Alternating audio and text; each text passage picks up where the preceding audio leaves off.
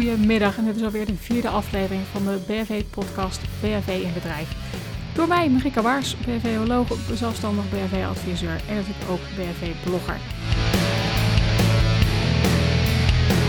In deze vierde en laatste aflevering van 2019 wil ik het met je hebben over een bedrijfsnoodplan. Een van de hoofdtaken die ik binnen mijn bedrijf heb opgepakt, omdat ik gewoon merkte dat heel veel mensen het gewoon heel erg lastig vinden. En weet niet of het nou per se heel erg lastig is. Het is in ieder geval wel gewoon een hoop werk. En uh, ja, makkelijk niet altijd, soms wel. Het kan ook gewoon heel erg helpen om het op papier te zetten, zodat het makkelijker wordt. Lang verhaal kort, laten we snel aan de slag gaan.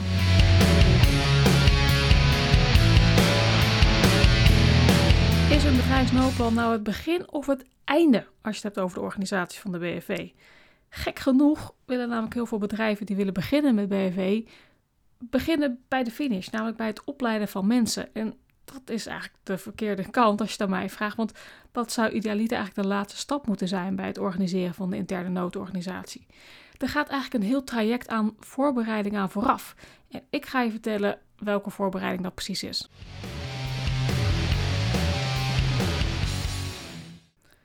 BFV is er voor elk moment van de dag. Een goede BFV-organisatie uh, eh, is er voor iedereen in en om het gebouw. En of het nou ochtends is, smiddags, s avonds of s'nachts, tijdens de openingstijden van het bedrijf moet het gewoon voor elkaar zijn. Niet alleen van de dame of weer achter de receptie, maar ook tot aan de directeur en iedereen die daartussenin zit qua hiërarchie.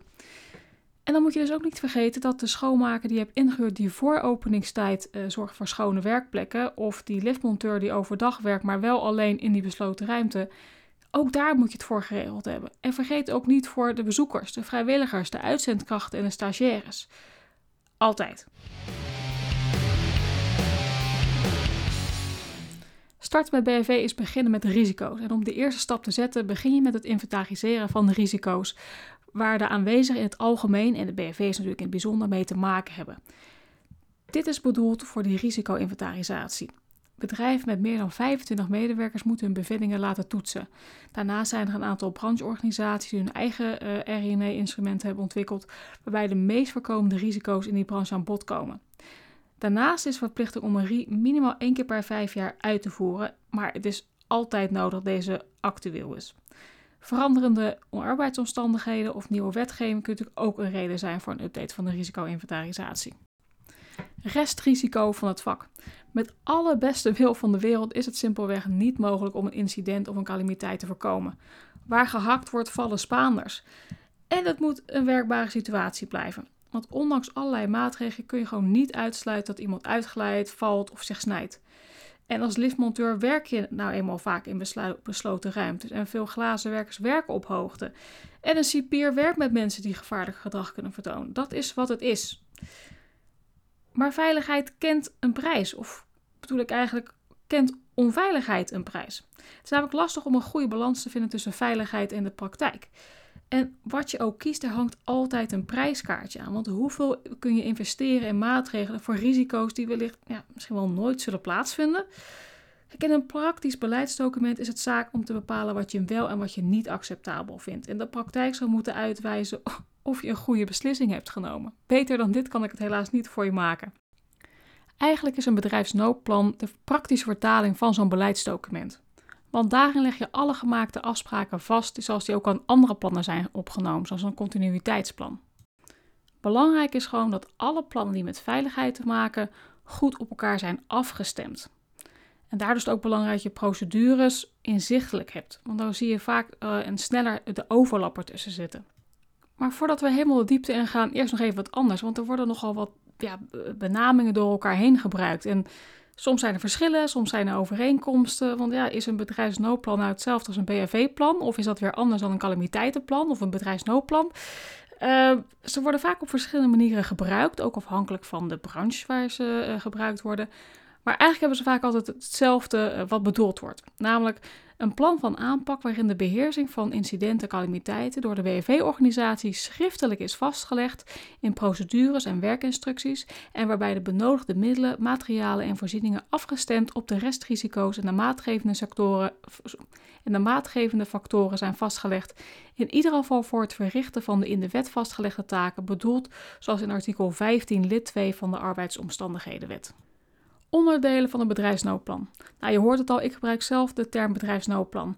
En dat is omdat ik vind dat dit de lading het beste dekt. Maar welk woord jij ook hanteert, het is vooral belangrijk dat duidelijk is dat wat je hierbij bedoelt. Ik hoor vaak dat mensen allerlei termen door elkaar heen gebruiken, waardoor het soms lijkt dat er verschillende plannen zijn. Of dat er misschien, ja, misschien wel erger, dat er verschillende verwachtingen zijn tussen de BFV-plan en het ontruimingsplan. De indeling die ik je nu ga geven is in ieder geval de indeling die ik zelf hanteer.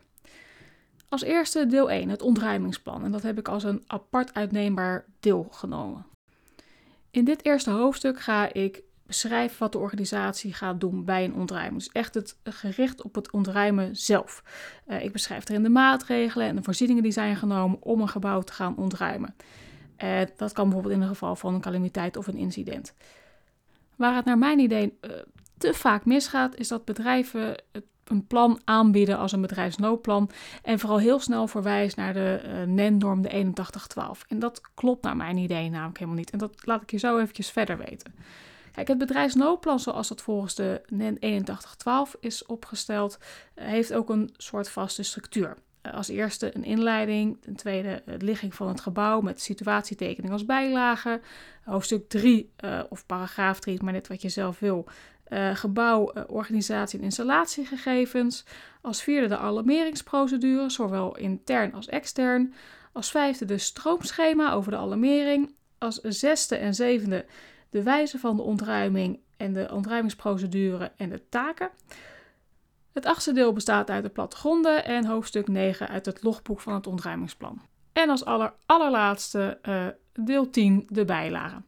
Ik gebruik zelf een iets andere indeling en uh, ik beschrijf ook onder andere de paraatheid, dus hoe snel de hulpdiensten ter plaatse kunnen zijn en bijvoorbeeld een samenvatting van de algemene gedragsregels. En de reden dat ik mij niet gestrikt aan die voorgestelde inhoudsopgave hou, is dat ik gewoon zie dat zeker bij een grote organisatie een aantal zaken gewoon over het hoofd gezien worden als je hier te strik aan vasthoudt.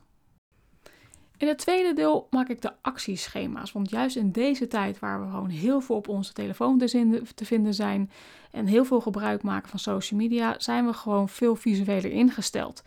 En ik denk dat het helpt als je de procedures visueel maakt, um, omdat je daardoor ja, bijna letterlijk een beter beeld krijgt van de afspraken of de verwachtingen die er zijn. Dat kan je bijvoorbeeld doen in, in PowerPoint en sommige mensen doen het weer in Word of in Excel.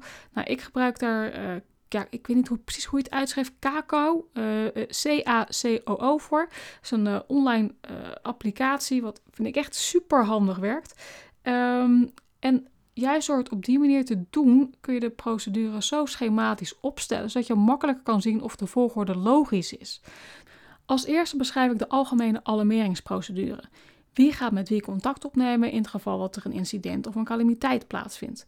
En vervolgens werk ik de stroomschema's uit voor wat de BFV gaat doen bij een vermoeden van een brand, een ontruiming of een ongeval. En in een aantal andere gevallen ook voor overige calamiteiten. En als je dit wil, kun je dit natuurlijk nog uitbreiden voor het uh, beschrijven van bijvoorbeeld de taakverdeling in geval van een situatie met uh, agressie, een storing, een bommelding, uh, wateroverlast, verzin het. In het derde deel van mijn bedrijfsnoodplan ga ik vooral verder over het calamiteitenplan. Welke rol heb je als bedrijfshulpverlener bij grote calamiteiten die eigenlijk niet direct BFV gerelateerd zijn? En dan moet je dus denken aan uh, wateroverlast, die stroomstoring, uh, gaslek of een andere dreiging van buiten. Die taken die leg ik dan vast in het calamiteitenplan. En in heel veel gevallen zou dat, um, komt het dan op, op neer dat je vooral een ondersteunende rol hebt. Uh, maar misschien zit jij wel in een organisatie waar je als BHV een heel duidelijke taak hebt, zodat je ook weet wat je moet doen. Dus extra belangrijk om dat ook op die manier te beschrijven. In deel 4 ga heb ik het vooral over ja, beheerplan, BHV-plan. Uh, en dat is vooral omdat ik het meer zie als dat het verder gaat dan alleen opleiden. Het vraagt ook gewoon van je om bepaalde zaken ja, te regelen, te organiseren. En dat dus vooral ook te beheren. En dat leg je naar mijn idee dus vast in het beheerplan. En dit wordt door heel veel mensen ook wel het BFV-plan genoemd. Ehm, wat beschrijf je in dit deel? In ieder geval de overige maatgevende uh, factoren. Hoe ga je om met opvang en nazorg? Uh, wat doe je bij de evaluatie en eventueel onderzoek als dat nodig blijkt te zijn? Um, ik neem hier ook bijvoorbeeld opleiding en oefeningen bij. Wat ga je doen? Heb je gekozen voor een bepaalde kwaliteit, um, kwaliteitscertificering of juist niet?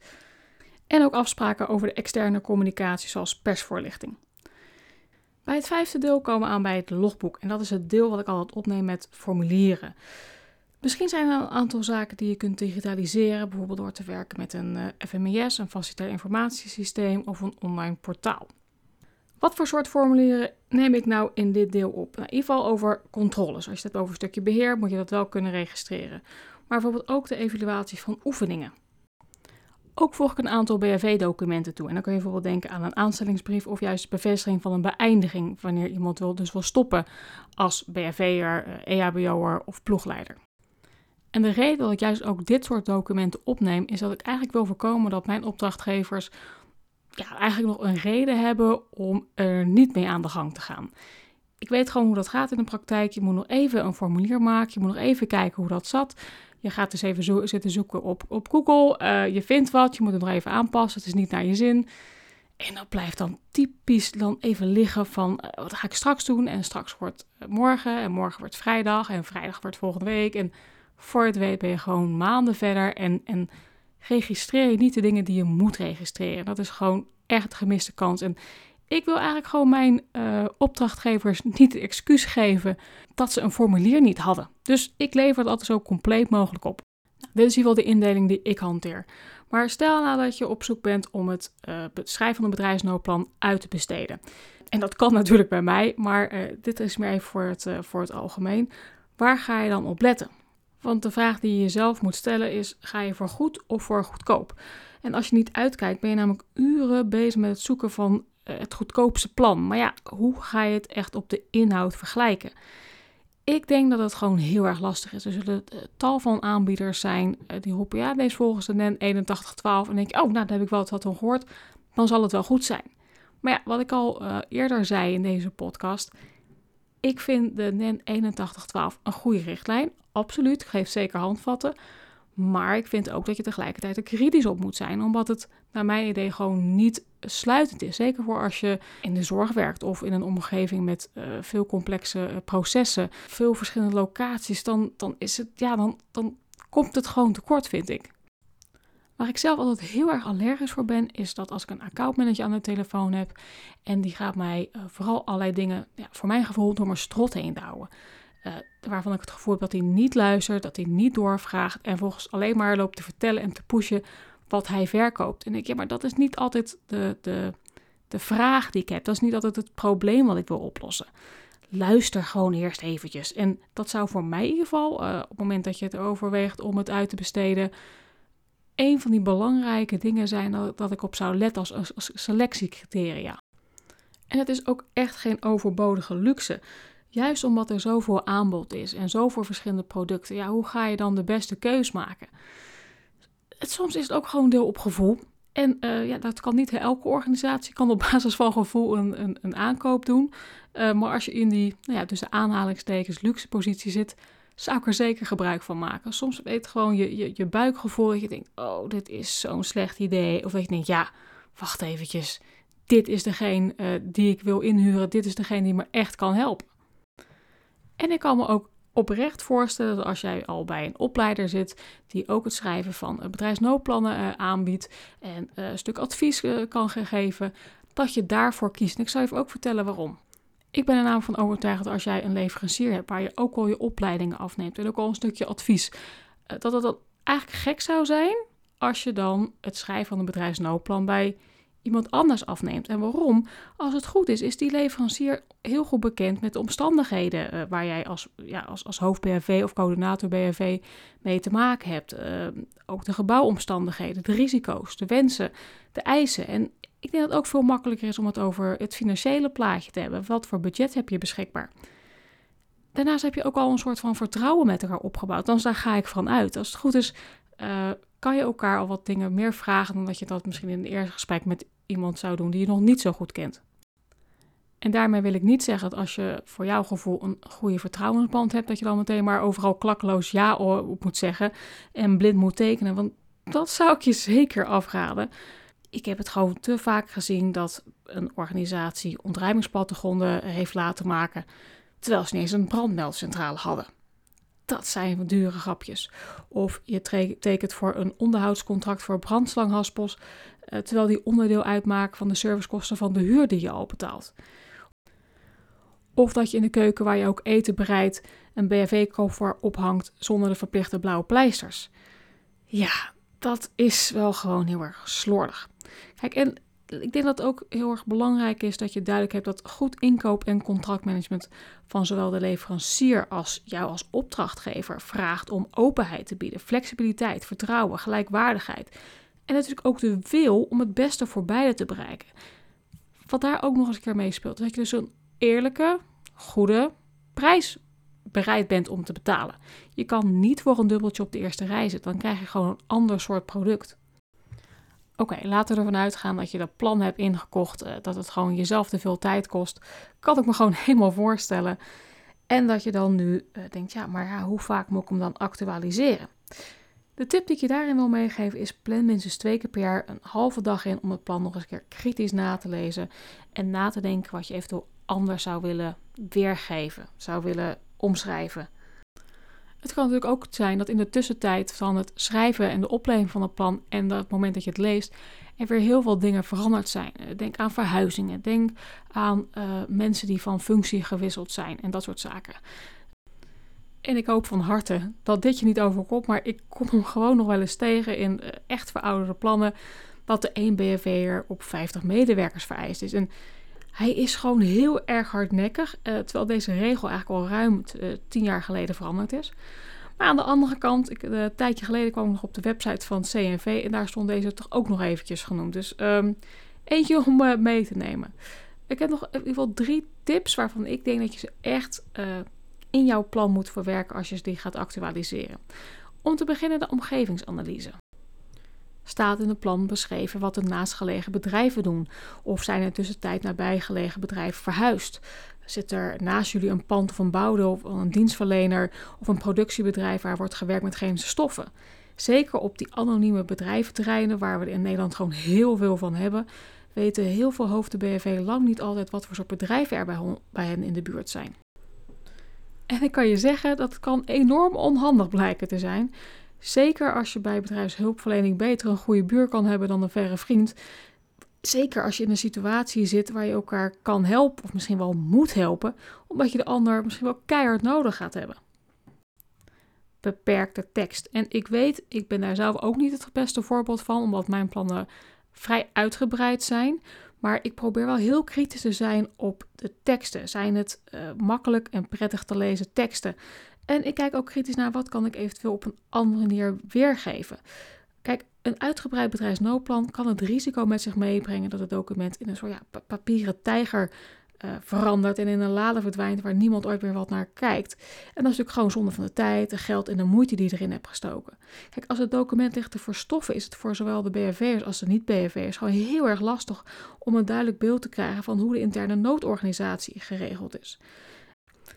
En het gevolg daarvan is weer dat juist dit belangrijke onderwerp, bedrijfshulpverlening, veiligheid, continuïteit, te weinig serieus genomen wordt. Dus wees daarom kritisch. Ga kijken wat je kan schrappen. Benoem zaken en te nemen acties liever puntsgewijs dan in een heel verhalende vorm. Dus ga je bedrijfsnoodplan actualiseren, dan zou ik je zeker aanraden om hier heel goed naar te gaan kijken. Wat kun je schrappen of wat kun je vereenvoudigen? Als aanvulling hierop wil ik je meegeven dat het wellicht te overwegen is om dynamische informatie, zoals namen, functies, telefoonnummers en dat soort zaken, zoveel mogelijk naar de bijlagen te verplaatsen. Want zo hou je het bedrijfsnoodplan in de basis hetzelfde. En dat kan heel erg handig zijn voor de OR. Maar ben je toch flexibel genoeg om informatie aan te passen en actueel te houden. Gebruik ook meer beelden. Kijk, in de huidige wereld waar we nu leven zijn we gewoon steeds visueler ingesteld. We scannen zaken meer dan dat we het echt daadwerkelijk lezen. En ja, maak hier ook gewoon gebruik van in jouw bedrijfsnoodplan. Vervang tekst waar mogelijk voor duidelijke afbeeldingen. En dat kun je onder andere doen door stroomschema's op te stellen. En op deze manier kan, kan dit je ook helpen om processen veel beter in beeld te krijgen. En als vierde, de bonus tip, kijk ook nog eens eventjes naar de status van de risico-inventarisatie. Is dat ook zo'n document wat ooit een keer opgesteld is en waar we allemaal goede intenties mee hadden, waar we echt mee aan de gang gingen en door allerlei goede en slechte redenen toch eigenlijk weinig mee is gebeurd?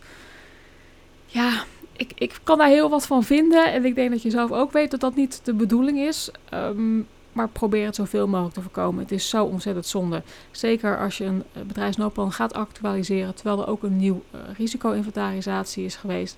Ja, dan, dan moet je gewoon kijken of daar nog bijzonderheden zijn die er in jouw nieuwe plan, in jouw nieuwe versie van plan moet verwerken. Want ook dat is gewoon veiligheid vergroten. Zorg ervoor dat je niet met verouderde informatie werkt. Een ander onderdeel waar ik het al eerder over had, was juist die procedures en die stroomschema's. Ik ben wel heel erg benieuwd of jij in jouw bedrijfshulpverleningsplan een procedure hebt opgenomen voor mensen die alleen werken. En dan kun je bijvoorbeeld denken aan monteurs die in het algemeen, maar ja, liftmonteurs in het bijzonder. Want zij vormen gewoon een kwetsbare groep tijdens een calamiteit. Ze werken vaak alleen, uh, zijn al wel niet ja, minder toegankelijke uh, ruimte aan het werk. Maar ook voor hen die je de BFV gewoon georganiseerd hebben. En hoe heb je dat op dit moment gedaan? Ontvangen zij voor aanvang van de werkzaamheden misschien een ja, korte veiligheidsinstructie? Of geef je een uh, calamiteitenboekje met instructies en telefoonnummers mee? Je kunt er bijvoorbeeld ook voor kiezen dat bijvoorbeeld de receptie hen één keer per uur belt. En als dan niet gereageerd wordt, dat dan direct de BFV wordt ingezet. Oké, ik heb nog een uh, procedure waarvan ik me afvraag of jij die hebt opgenomen. En ik hoop het van harte. En anders is dit de tip die ik je graag wil meegeven. Over de ontvangst van de hulpdiensten. Ik zie dat heel veel uh, organisaties er maar van uitgaan dat er binnen enkele minuten na de melding de hulpdiensten op de stoep staan.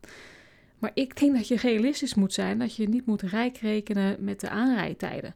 Hou liever rekening met reële opkomsttijden.